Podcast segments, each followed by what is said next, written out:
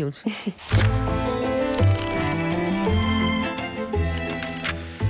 Boeken. Met Wim Berkelaar. Kom maar met je bruggetje. Nou, dat is echt een bruggetje. Ik zat er te denken toen uh, Marjan Doom net sprak. Ik, het eerste boek wat ik bespreek, dat is een biografie geschreven door Koen Hilberdink... met de titel Strijd om de ziel. Het leven van P.C. Kuiper, leven tussen 1919 en 2002 in de psychiatrie.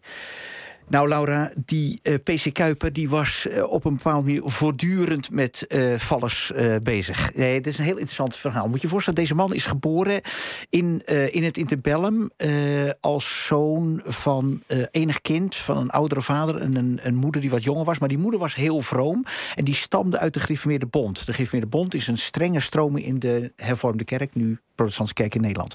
En deze man is heel sterk godsdienstig opgegroeid. Wil eerst theologie studeren, doet hij uiteindelijk niet. Gaat dan psychologie en psychiatrie studeren. Maar die komt er uiteindelijk achter, maar dat wil hij zichzelf niet erkennen. Dat komt ook door, uh, door die godsdienstige achtergrond. Dat hij heel sterk homoseksuele gevoelens heeft. Dus hij, hij trouwt krijgt een dochter. Hij trouwt overigens heel interessant met een, uh, uh, een dochter van een theoloog... die heel beroemd was in die tijd. Ook uh, sterk antinarcistisch ingesteld. Heel goed in de oorlog was. Die heette K.H. Miskotte. Maar die vrouw, Noortje Miskotte, de, de, dochter met wie hij trouwt... die heeft echt heel erg geleden onder dit huwelijk. Die man is namelijk... Het is een psychiater, befaamd hoogleraar... aan de Universiteit van Amsterdam laten schrijven van de neurosenleer, beroemd boek... waarin die overigens homoseksualiteit als een neurose beschouwt. Terwijl hij zelf voortdurend probeert aan te leggen met studenten. Hij, heeft ook, hij is ook biseksueel. Hij heeft ook relaties met vrouwen. Nogmaals, zijn vrouw zit dan gewoon thuis. Uh, maar het is vooral dat, uh, die strijd met zijn eigen homoseksualiteit. En dan komen we in de jaren zeventig, dan is hij echt befaamd en allerlei studenten zitten erbij. En dan blijkt dat hij eigenlijk uh, een soort coming-out moet beleven, maar dat, dat durft hij niet. Ook omdat hij bang is als het mijn carrière schaadt. Hij wilde altijd hoogleraar worden, dus dan, dan, word je, uh, dan word je betiteld als homoseksueel. Wat zal het met zijn carrière doen? Ja, en dan word je opeens je eigen neurose. Exact, en dat wordt hij ook. Dat is een hele goede toevoeging wat je zegt, want hij schrijft, en daar is hij ook bekend van, hij schrijft eind jaren tachtig het boek Verheen. Die man is zelf als Freudiaans psychiater tegen uh, het uh, nemen van uh, antidepressiva, of middelen ook. Hij raakt helemaal de kluts kwijt. Denkt op een gegeven moment in een waan. Hij, hij, raakt depressief. Denkt in een waan: ik moet mijn dochter vermoorden, want mijn dochter moet ik beschermen tegen het leven. Hij wordt opgenomen en schrijft dan het boek Verheen. Maar wat blijkt, dat boek Verheen is wel openhartig, maar niet openhartig genoeg. En de verdienste van Koen Hilberdink is dat hij heel goed laat zien dat dit een eigenlijk diep tragisch leven is van een, een, een gemankeerd, maar ook gemaskeerd levend man die voortdurend relatie zoekt, maar er niet vooruit durft te komen. Dus ja, dat is, het is een fascinerend en uitstekend boek. Strijd om de ziel in twee betekenissen is de titel. Dus strijd om de ziel, nou ja, dat is het Freudiaanse psychologie. Maar ook de strijd om de eigen ziel. Die man die strijdt gewoon met zichzelf de hele dag. Nou, ik, als je het leest, denk je, wat een tragiek zo'n leven. Wat een, maar ook een tragiek voor die vrouw, want het is ook voortdurend door die strijd een voortdurend narcist. Is er met zichzelf bezig. Ja, en voor zijn dochter. En voor zijn dochter. Waar we overigens, uh, helaas, uh, Ellen, die is overleden, waar we weinig van weten. Die dochter komt niet goed veel achter, maar dat moet een tragiek zijn, ja. Goed, het, uh, het tweede boek. Het is een heel ander boek, ook erg goed. Dat is geschreven door Lenneke Berghout. Een heel ander onderwerp, dat heet Hoveniers en tuinbazen... een cultuurgeschiedenis van het tuinieren door de eeuw heen. Nou moet ik erbij zeggen, ik heb zelf een persoonlijke belangstelling voor dit boek... want mijn vader was ook tuinbaas. Ah. Uh, dus die, die, is, uh, die is overleden een paar jaar geleden, maar die was zelf ook... Tuinbaas, ja. Wat is een tuinbaas, vraagt Nou, dat is een goede vraag. Dat schrijft Lenneke Berghout ook op in dit boek. Uh, een tuinbaas, uh, Femke, dat is iemand die eigenlijk onder, vaak onder een, uh, een directeur of vroeger uh, onder een baron een heel aantal mensen onder zich had, personeel had. En dat is ook een, helemaal een soort autonomie, een, eigen, een, een soort eigen basis. En zij beschrijft hier vijf tuinbazen door de tijd heen, van de 17e tot de huidige tijd. Nou, geloof me, die, dat waren bazen. Dus die mensen die waren weliswaar in dienst van of een plantsoenendienst in de 20e eeuw, of in dienst van een baron. Maar als je erover, die mensen lieten zich heel weinig zeggen. Ze hadden ook een behoorlijke autonomie. Die eisen ze ook op met het aanleggen van allerlei dingen. En wat het goede van het boek van Lenneke Berghout is... ze heeft eerst een, een dik proefschrift geschreven over uh, hoveniers van Oranje. Dat gaat over de tuinbaas in de 17e eeuw. Maar wat zo goed van dit boek is dat ze heel goed... Kijk, zelf, hoewel ik zoon van een tuinman ben, ik kan geen tulp van hier Sint onderscheiden. Dat zit hier allemaal in. Dit, nee, dat moet ik gewoon toegeven. Dat kan ik wel vromen. En, Heb je ook geen plantjes thuis? Ja, wel allemaal, maar dat doet mijn vrouw. Die, is, die heeft groene vingers. Ik heb dat allemaal niet. Maar eerlijk is eerlijk, uh, dat, dat kan ik niet. Maar wat ze goed van het boek is, en ook zo leesbaar...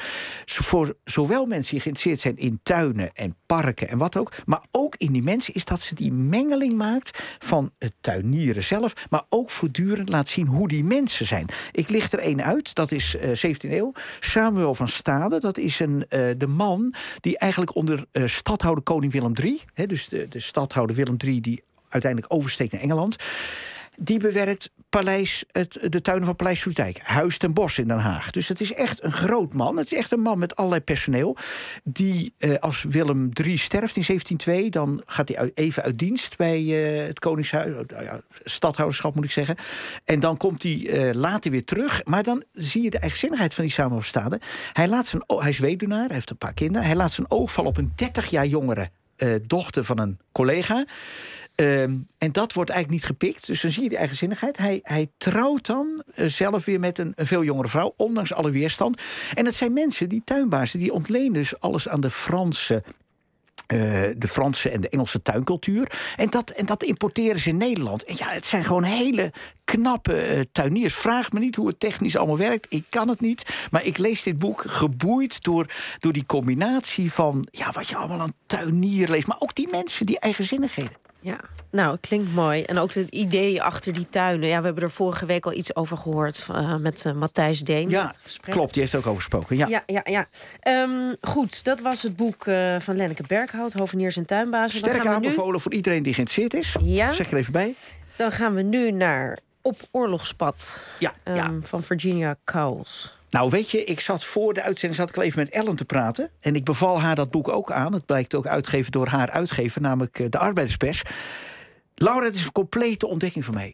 Fantastisch boek. Uh, dit boek heet in het Engels um, Looking for Trouble. Wat is het geval? Virginia Coles is in, uh, geboren in 1910. Is een Amerikaanse journaliste die in 1936, uh, dan is ze 26 jaar oud... gaat ze naar de Spaanse burgeroorlog. Moet je voorstellen, een jonge vrouw. Helemaal zo groen als gras. Dat betekent uh, gouden oorban, uh, dingen, uh, hoge hakken. Helemaal het idee, ik ga daar gewoon kijken. Ik, maar ja, het, het, is daar gewoon geweld en ruw. En dan ook nog één complete mannenmaatschappij. Dat is één opvallend eigenschap in dit boek. Je zou zeggen dat die genderproblematiek, waar we nu over spreken... dat die heel sterk zou voor zou komen. Want nogmaals, het is een mannenmaatschappij, andere cultuur. maar dat speelt in het boek eigenlijk helemaal niet door. Er wordt heel enkele keer gezinspeeld dat iemand een oogje op haar heeft of iets dergelijks.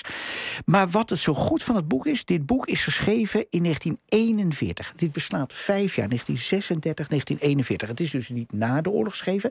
En het, het boek bevat dus heel goede journalistieke verslagen van haar gang naar um, de Spaanse burgeroorlog. Haar interview met Mussolini. Klein mannetje die eigenlijk denkt: ach, vrouwtje, vrouwtje, kom jij mij interviewen? Dat, dat, dat toont ze feilloos aan. Hè? Ze, ze heeft dat allemaal in de gaten. Ze ziet Hitler. Ze zegt: het is dat hij omringd wordt door magie, maar ook dat is eigenlijk een mannetje dat als hij gewoon in een café zou rondlopen, totaal onopvallend. Het staat, het staat er prachtig in beschreven. Maar wat, wat zo goed aan het boek is, uh, aan, het eind van de, uh, aan het eind van dit verslag is ze, uh, dat, dat eindigt met de Battle of Britain, nogmaals, 1940, 41. en dan roept ze eigenlijk haar eigen landgenoten, de Amerikanen, op: jongens, leven nou niet alleen maar materieel. Ga niet alleen de Engelsen steunen met materieel. Ga gewoon ten oorlog. Wij moeten dit, die beschaving redden van die barbaren in Nazi-Duitsland. Het is echt een harts, hartstochtelijk pleidooi. Ik heb één klein kritiekje op haar, maar dat kon. Kijk, zij loopt in Engeland rond, maar dat nogmaals, zij is tijdgenoot. Dit is kritiek van mij van achteraf. Dus die kritiek van mij moet je even relatief zien. Zij zegt, ze heeft een grote bewondering als Amerikaans voor het Engelse volk. Ze strijdbaar.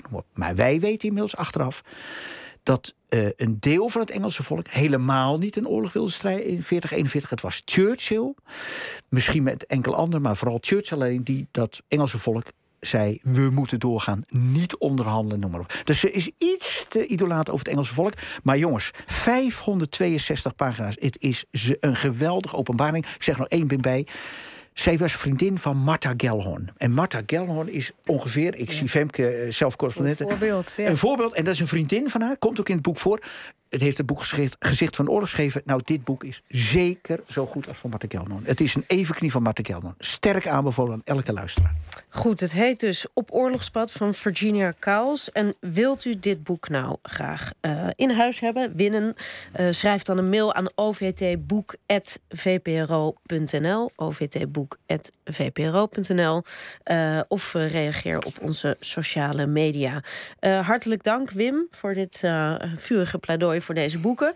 En volgende week zit hier Sanne Frekeus